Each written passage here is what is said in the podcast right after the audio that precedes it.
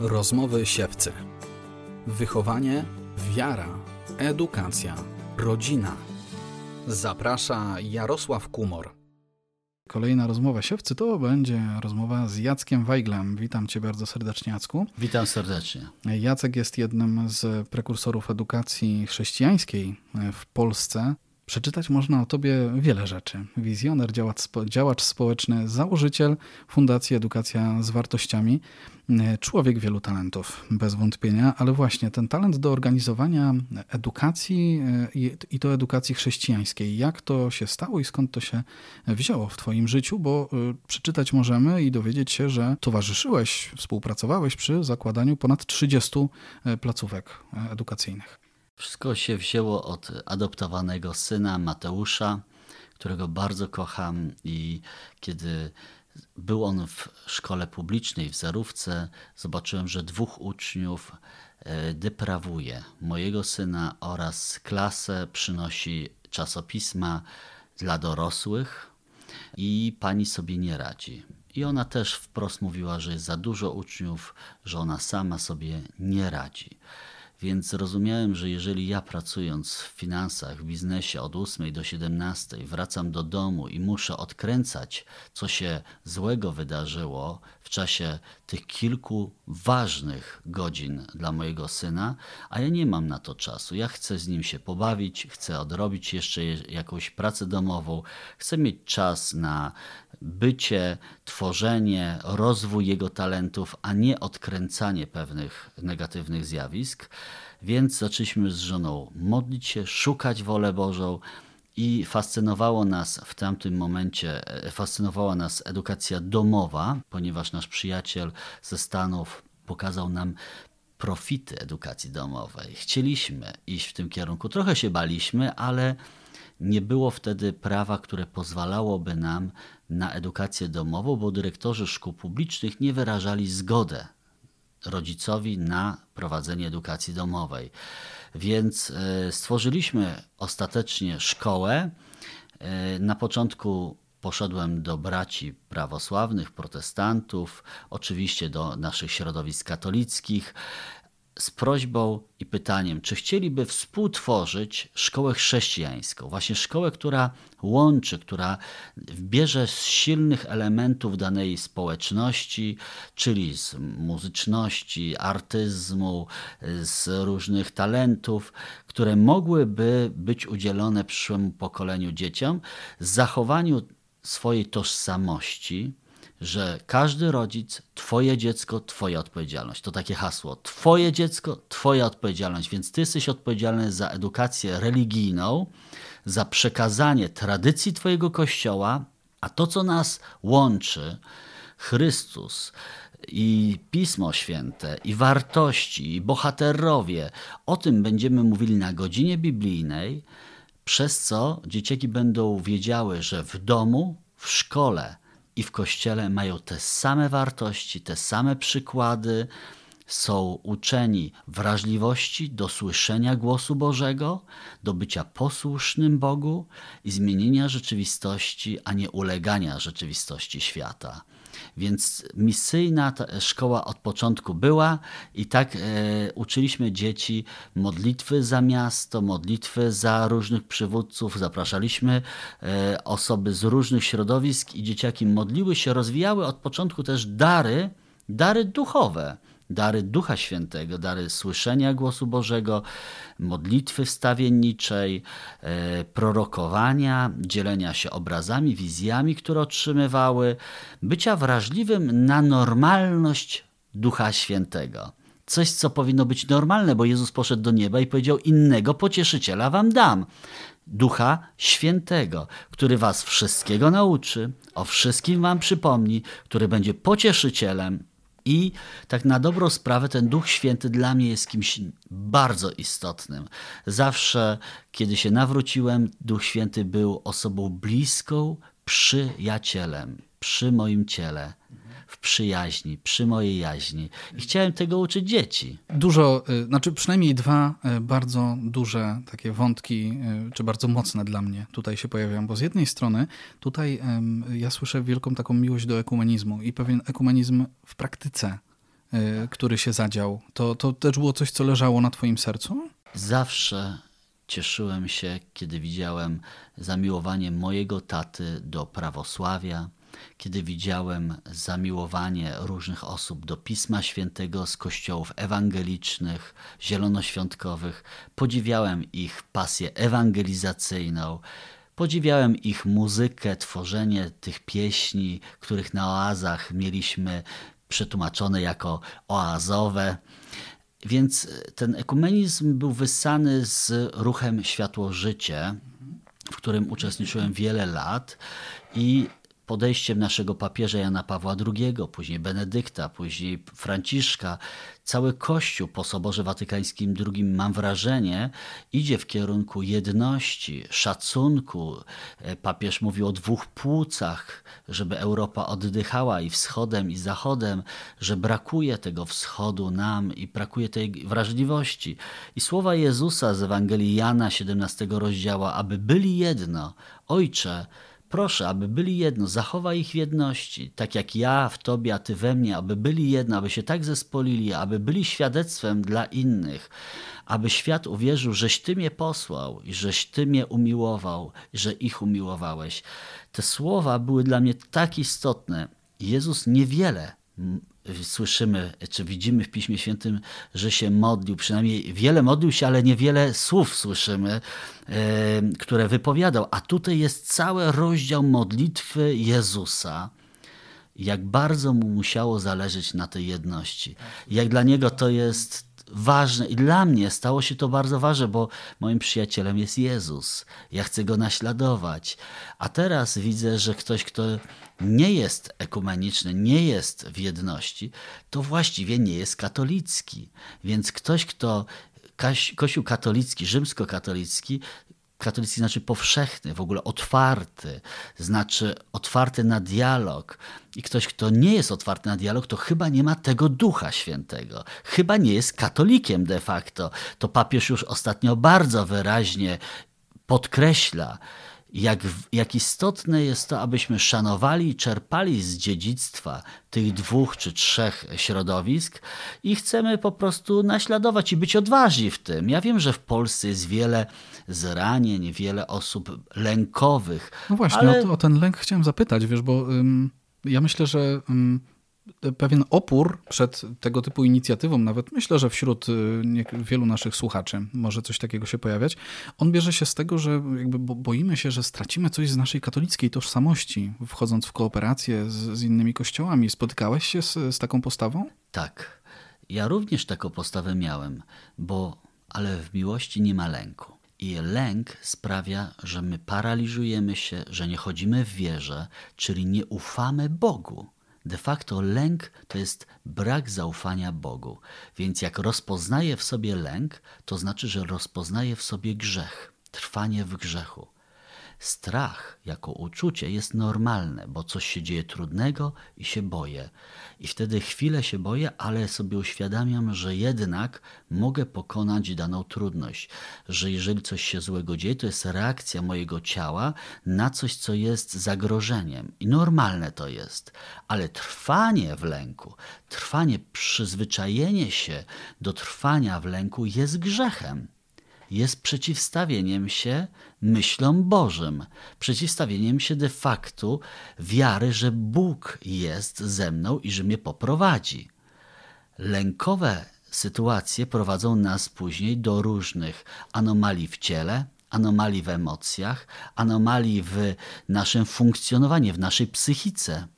W związku z czym powinniśmy uczyć ludzi wyjścia z lęku, a nie trwania w lęku. No i te szkoły, o których mówisz, szkoła, którą założyliście, tego dzieci od początku uczyła, uczy.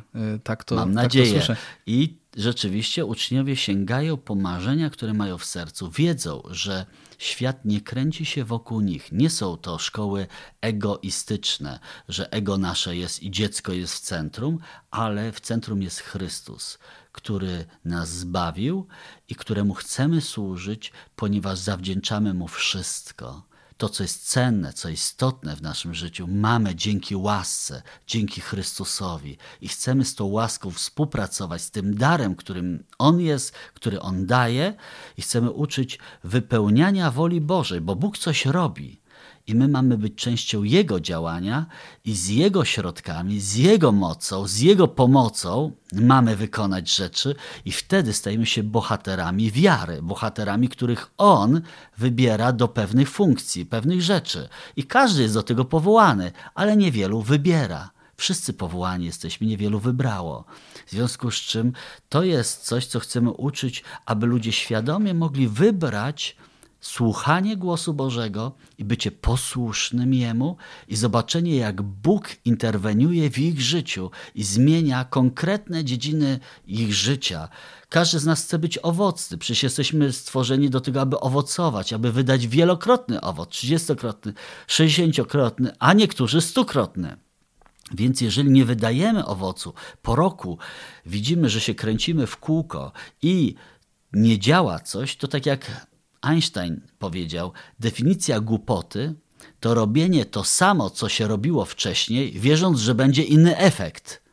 Jeżeli coś nie działa, to przestańmy to robić w ten sposób, który robiliśmy, bo znaczy, że to nie doprowadzi nas do rozwiązania. Chyba, że chcemy być rzeczywiście ludźmi, którzy mają klapki na oczach i którzy powtarzają, powtarzają, wierząc, że kiedyś to wyjdzie. Trzeba mieć refleksję, nauczyć myślenia, tak jak Żydzi rabini uczyli dzieci myślenia. Przychodzi taki mały Izaak do rabiego, trzylatek, malutki, przedszkolaczek i rabi pyta, kto stworzył świat? A Izaak mówi, Jahwe. To rabi mówi, udowodnij mi to. I ten mały Izaak musi zacząć myśleć, kombinować, starać się znaleźć argumenty. Jak Bóg stworzył? Czy na pewno stworzył? Jakie są dowody na stworzenie? On, mały chłopiec, zaczyna szukać, myśleć, przez co jest wzmacniane myślenie, krytyczne myślenie, którego się nie boimy i nie powinniśmy się bać. Ludzie, którzy mają inne myśli, którzy mają inny światopogląd, to nas tylko rozwiną. Rozwiną nas w argumentacji, rozwiną nas może w naszych słabych stronach albo w naszych takich ślepych załukach. Nie bójmy się, prawda się obroni, prawda zawsze się obroni. Chrystusa nie trzeba bronić, On naprawdę się obroni. To kwestia jest naszych lęków i naszego stanu takiego trwania w poczuciu niedowartościowania, w takim sieroctwie duchowym de facto. Bo my jesteśmy ludźmi, którzy ciągle coś chcą udowadniać. To znaczy, że nie mamy tożsamości. To, co zacząłeś mówić, tożsamość jeżeli ja wiem, że jestem katolikiem, ja wiem, w co wierzę, ja się nie boję innych osób, ja się nie boję innych światopoglądów, nie boję się rozmawiać, słuchać, słyszeć, szukać. No, powiedziałeś o tym, co mówił e, Jan Paweł II, Benedykt XVI, e, ale też teraz Franciszek na temat humanizmu i myślę, że często my właściwie nie zdajemy sobie do końca z tego sprawy, stąd też te, właśnie nie, nie szukamy, nie, nie znamy, nie wiem, dokumentów, nauczania i tak dalej. Z tego ten, ten lęk się bierze. Powiedzieli, powiedzieliśmy, powiedziałeś o tej warstwie takiej intelektualnej, to e, bardzo fa takie fascynujące.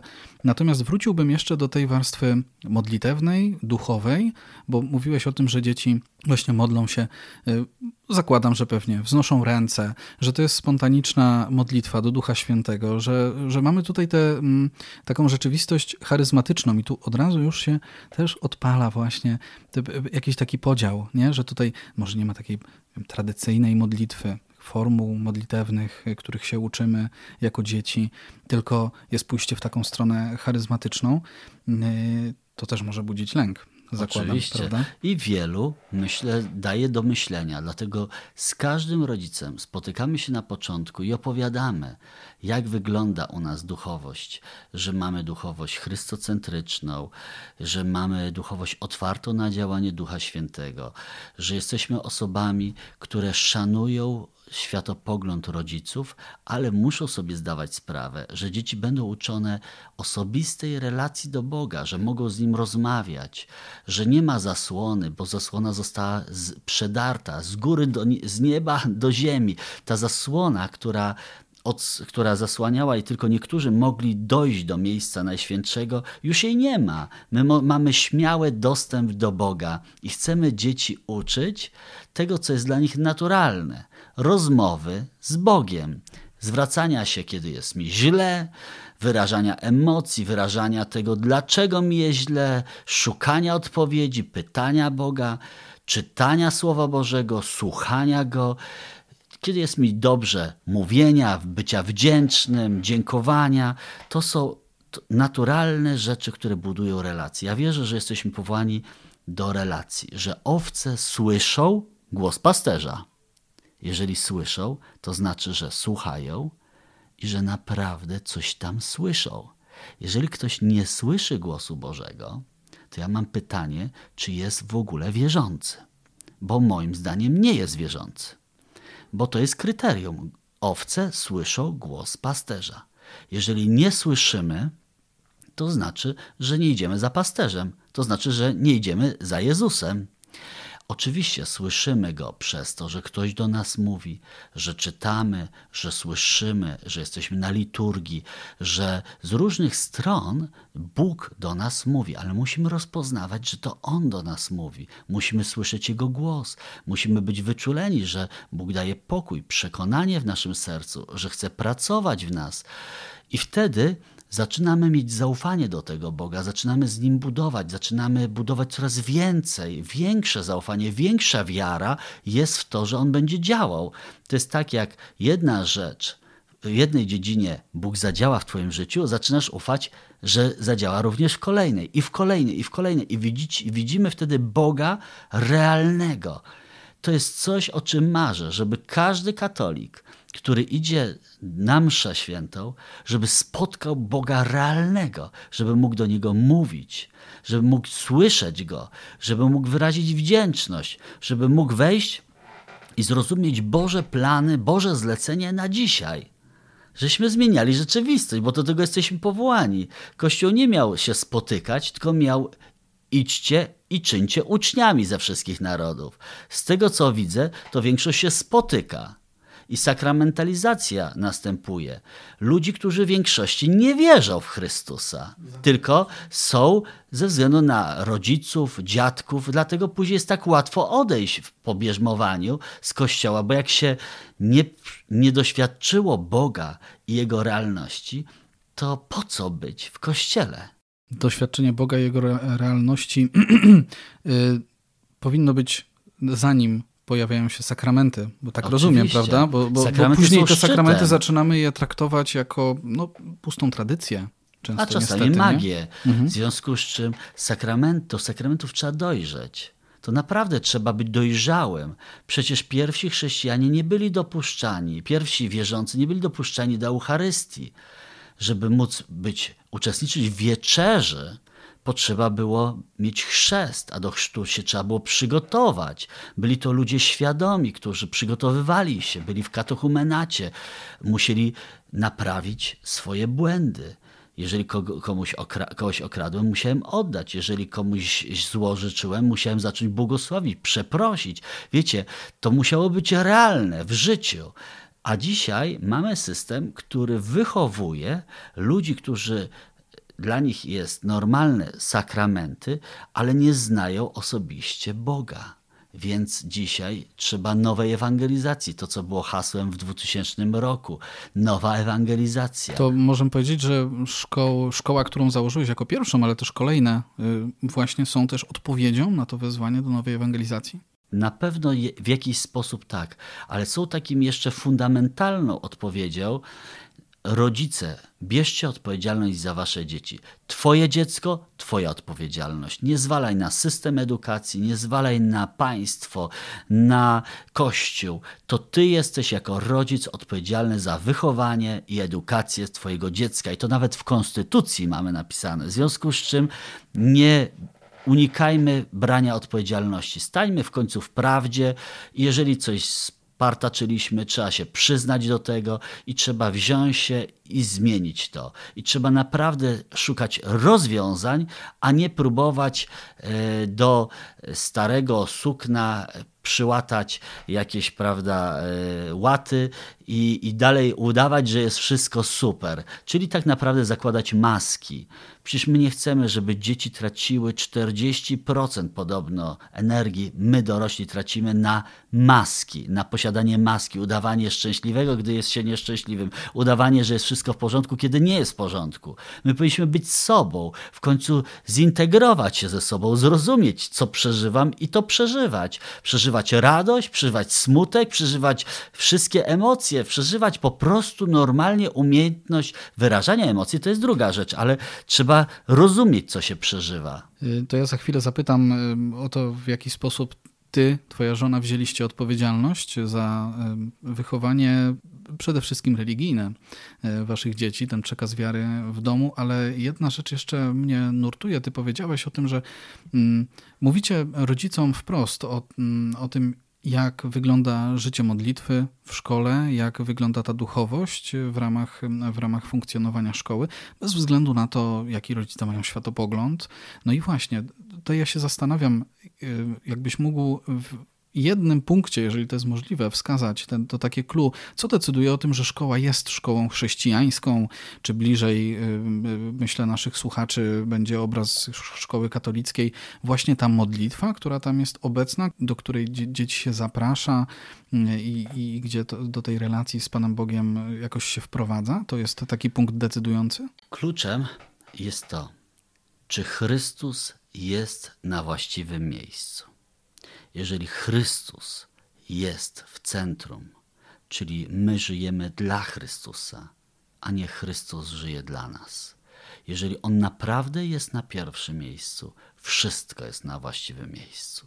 I wtedy matematyka, fizyka, chemia, biologia, wszystkie przedmioty, gdzie wartością nadrzędną jest poznanie Boga, gdzie od Niego mamy mądrość i na przykład w przyrodzie pokazujemy piękno, które On stworzył, skomplikowane rzeczy, które mógł tylko geniusz stworzyć. W matematyce pokazania nieskończoności, że On zawsze był i zawsze będzie. I w historii, że to jest His story, że to, są jego, że to jest jego historia, że on był w każdym momencie historii świata i on interweniował, że nie jest osobą, która jest starcem i zasnęła sobie i się obudzi na koniec świata, tylko że jest i działa i że możemy mieć z nim relacje jeżeli on jest na pierwszym miejscu, on honoruje. Nawet jeżeli edukacyjnie kto, możemy mieć gorsze wyniki, może czasami artystycznie mieć gorsze wyniki, może fi kultura fizyczna jest nie na najwyższym poziomie. Różne są szkoły, różne mają silne strony i słabsze strony, i trzeba to przyznać. Ale jeżeli Bóg jest na pierwszym miejscu, to te dzieci będą doświadczały Boga realnego, który odpowiada i pomaga im w edukacji, w kulturze fizycznej, w kulturze zdrowotnej, w kulturze e, szeroko pojętej artystycznie rozwijać się, w ogóle holistycznie rozwijać się, czyli emocjonalnie, fizycznie, intelektualnie, emocjonalnie, artystycznie, po prostu w każdej dziedzinie chcemy, aby dzieciaki się rozwijały, a nie tylko intelektualnie. Bo dzisiaj mamy grecki sposób myślenia i w ogóle edukacja jest sposób grecki, czyli ja uczę, a wy wszyscy słuchacie, a później powtarzacie, a później zdajecie to, co ja powiedziałem, co nie uczy myślenia, bo już wiemy z doświadczeń, że zapamiętujemy 3 do 7%, jeżeli tylko słuchamy. A co z wykonywaniem, a co z interakcją, a co z twórczością, a co z samym odkrywaniem, własnym odkrywaniem, co z krytycznym myśleniem? W ogóle co z zespołowością, co z charakterem, co z umiejętnością komunikowania się, rozwiązywania konfliktów, coś, co jest najważniejsze dzisiaj w pracy. Jako pracodawca szukam ludzi, którzy umieją w zespole funkcjonować, a nie indywidualistów, którzy po prostu żyją w swoim świecie. Kochani, jest czas, aby powiedzieć sobie szczerze, jak coś nie działało, zmieńmy to. No to rodzice mogą teraz myśleć sobie, ok, ja to kupuję yy, i chcę zmienić yy, szkołę mojemu dziecku chociażby i posłać je do takiej szkoły. To wszystko, o czym opowiadamy, dzieje się w szkole prowadzonej przez waszą fundację, tak? Przez Fundację Edukacja z Wartościami. Tak. Jest więcej takich szkół? Jest ponad 30 szkół e, w całej Polsce. Jesteśmy w takiej sieci szkół chrześcijańskich. Jest też kilka szkół teraz i przedszkoli dla ukraińskich dzieci, bo mamy taką wyjątkową sytuację i założyliśmy i zareagowaliśmy od razu, żeby pomóc im w ich traumach, w ich przeżywaniu tej tragedii. W w wielu miastach możecie zobaczyć Poznaniu, Krakowie, w mm, Tomaszowie, w Gdańsku, Gdyni. W, no, oczywiście w Warszawie mamy wiele takich szkół i tu na Ursynowie szkoła Daniel, Samuel. No wiele, wiele jest takich szkół, do których zapraszam. Jeżeli nie masz koło siebie szkoły, właśnie chrześcijańskiej, a masz marzenie, aby wychować dziecko odpowiednio do drogi, którą ma iść, a nie zejdzie z niej nawet w starości, czyli bierzesz to słowo z Księgi Przysłów do swojego życia przez wiarę, zaufanie Bogu, że Boże, ja chcę wychować odpowiednio, naprawdę chcę zainwestować moje dziecko, abyś ty był na pierwszym miejscu, bo wierzę, że ty zachowasz moje dzieci nawet w starości od błędów różnych, od zejścia z tej drogi, to Pójdź do swojego nauczyciela, porozmawiaj z nim, jak możesz go wspierać, jak możesz budować z nim relacje, jak możesz wspierać edukację Twoich dzieci w tej szkole, w której są. Bądź aktywny, zgłoś się do rady szkoły, rady klasowej. Zacznij organizować różne wycieczki, wyjazdy, ciekawych gości zapraszać, programy profilaktyczne, programy prozdrowotne itd. Tak zapraszać różne osoby, które mogą ubogacić Twoją e, szkołę. Nie zostawiajmy tego specjalistom od edukacji, bo możemy obudzić się z niewierzącymi dziećmi, ponieważ jeżeli nie zasiejesz, nie zbierzesz. Jeżeli siejemy edukację bez Boga, zbieramy dzieci bezbożne. Bez Boga, bez kontekstu Boga.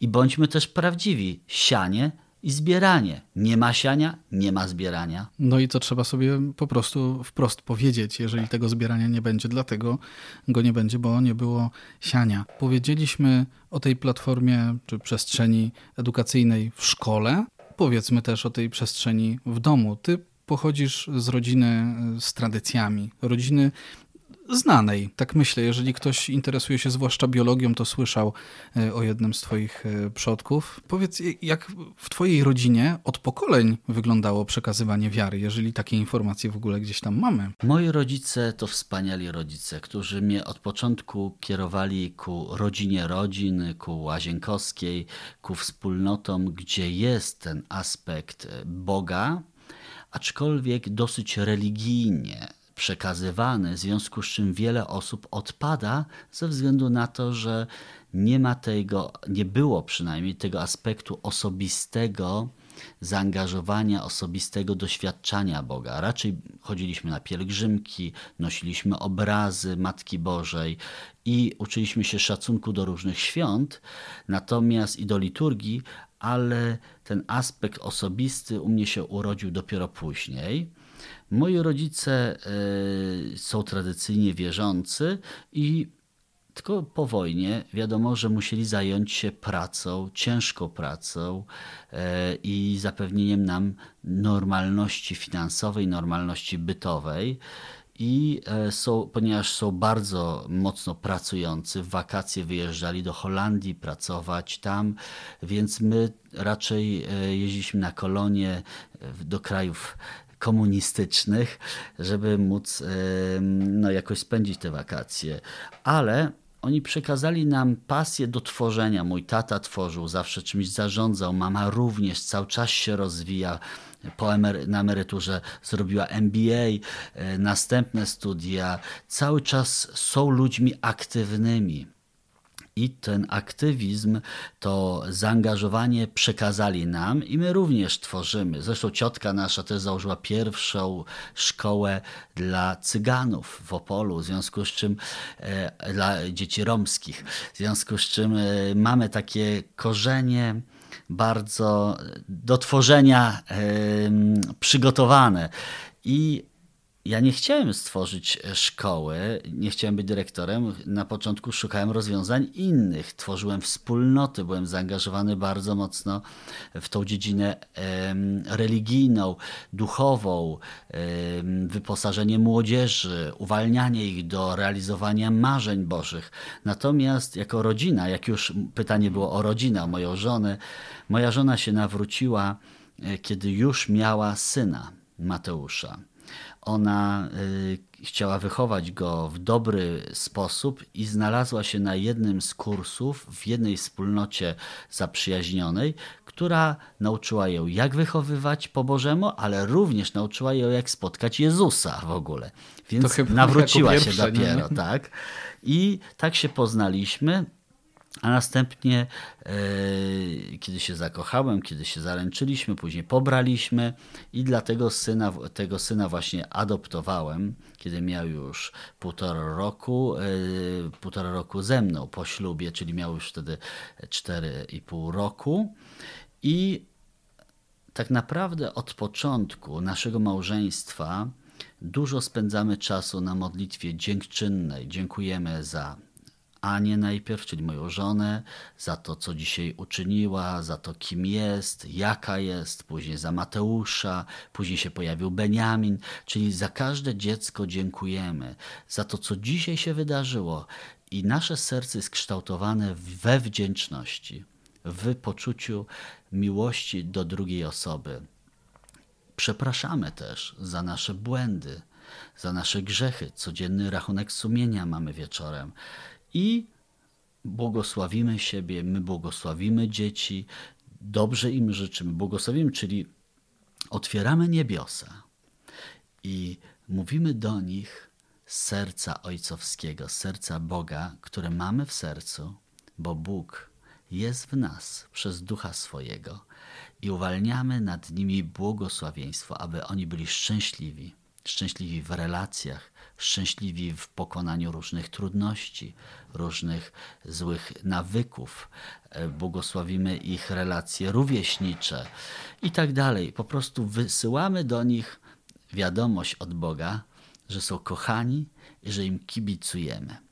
I dzieci się tego uczą, tej kultury wdzięczności. Również mamy ustalony e, zakres obowiązków codziennych.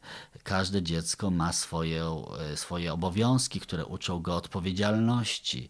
I w miarę jak rosną, coraz bardziej dla nich jest to oczywiste, że są częścią rodziny, która bierze i która daje stawanie za sobą.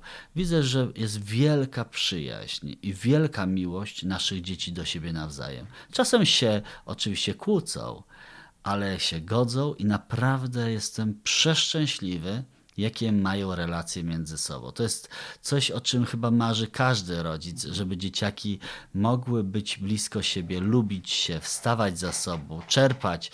Ten najstarszy był wzorem dla młodszych, później teraz jak już jest na swoim, to Beniamin jest tym najstarszym, którego wszyscy, na którego patrzą, który jest dyscyplinowany i oni też chcą być tak zdyscyplinowani, tak wysportowani jak on, tak dzielni jak on i tak dalej. Także już później łatwiej jest, bo ci starsi też wpływają na młodszych, zresztą się nimi zajmują bardzo często, bo my wieczorami mamy, co trzeba powiedzieć, dużo spotkań, wspólnot, wspólnota Syjon, się spotyka, czy w apostolskim ruchu wiary mamy 14 wspólnot i odwiedzamy je wieczorami, w związku z czym naprawdę wtedy możemy liczyć na nasze dzieci, ten 15-latek, 17-latka, 19-latek, po prostu zajmują się młodszymi, pięciolatkiem i, i siedmiolatką. Ktoś z rodziców, znaczy zakładam, że y, sporo rodziców nas słucha i sobie myśli, no idealny, właściwie taki sielankowy obrazek ja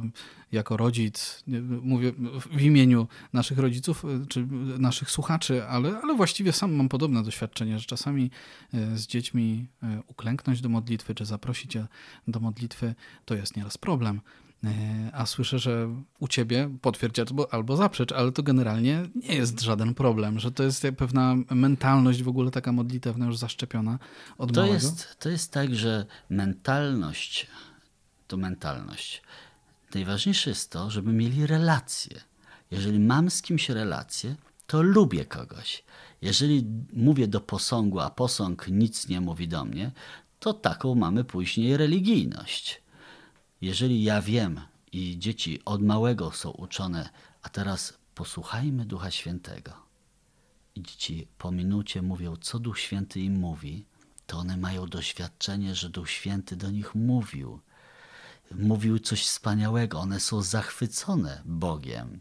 Poza tym już jako nastolatki są prowadzone w mentorstwie przez innych nastolatków kilka lat starszych i uczone od brania odpowiedzialności, liderstwa, misyjności. Moje dzieci, ten 15-latek i 17-latka, wyjeżdżają co roku, przynajmniej raz w roku, na misję. Ostatnio Eliasz był w Algierii, yy, szkolił, szkolił, właściwie ewangelizował dzieci romskie, E, które nie chciały go wypuścić, bo tak e, pokochały go. Więc każde z moich dzieci uczy się tej drogi, którą jest droga misyjna, nie droga tylko ochrony ich. My ich nie chronimy przed złym światem. Ko kojarzy nam się tak e, edukacja chrześcijańska, czy w ogóle przestrzeń no, przekazu wiary, że chcemy pewien może nieraz nawet nieświadomie, jakoś czy nieintencjonalnie, ale zamykamy dzieci pod pewnym kloszem, żeby je właśnie ochronić przed złym wpływem świata. Trochę może to jest to, o czym mówiłeś na początku, gdzie mówiłeś o twoim synu, który w zerówce miał to doświadczenie, nie? Tak, na pewno jest ten element klosza, ale pamiętajmy, że w szklarni rośliny szybciej rosną i są dużo lepsze. W związku z czym szklarnia jest potrzebna, ale również jest potrzebność, potrzebna misyjność. Czyli uczymy dzieci, że one nie żyją dla siebie, nie dla siebie gromadzimy, ale że jesteśmy przepływowi, jak jezioro Genezaret. Otrzymujemy wodę i wypływa z nas woda. I przez to wiele ryb może znaleźć się i cieszyć e, tym jeziorem. Nie jesteśmy jak Morze Martwe, gdzie ma tylko przypływ i nie ma odpływu, jest zasolenie totalne. Chcemy uczyć dzieci wychodzenia na zewnątrz, że świat nie jest łatwy, oni też e, mają swoje przyjaźnie i budujemy te przyjaźnie świadomie wśród wierzących, ale również zapraszamy naszych sąsiadów naszym osiedlu. Jesteśmy znani, że co chwilę któreś dziecko przychodzi do nas na trampolinę, pobawić się. E, po prostu nasze dzieci cały czas wychodzą na zewnątrz i widzą, jak świat funkcjonuje. Nie ochronimy dzieci przed światem. My chcemy ich posłać do świata, ale nie po posłać dzieci z karabinami, żeby się pozabijały.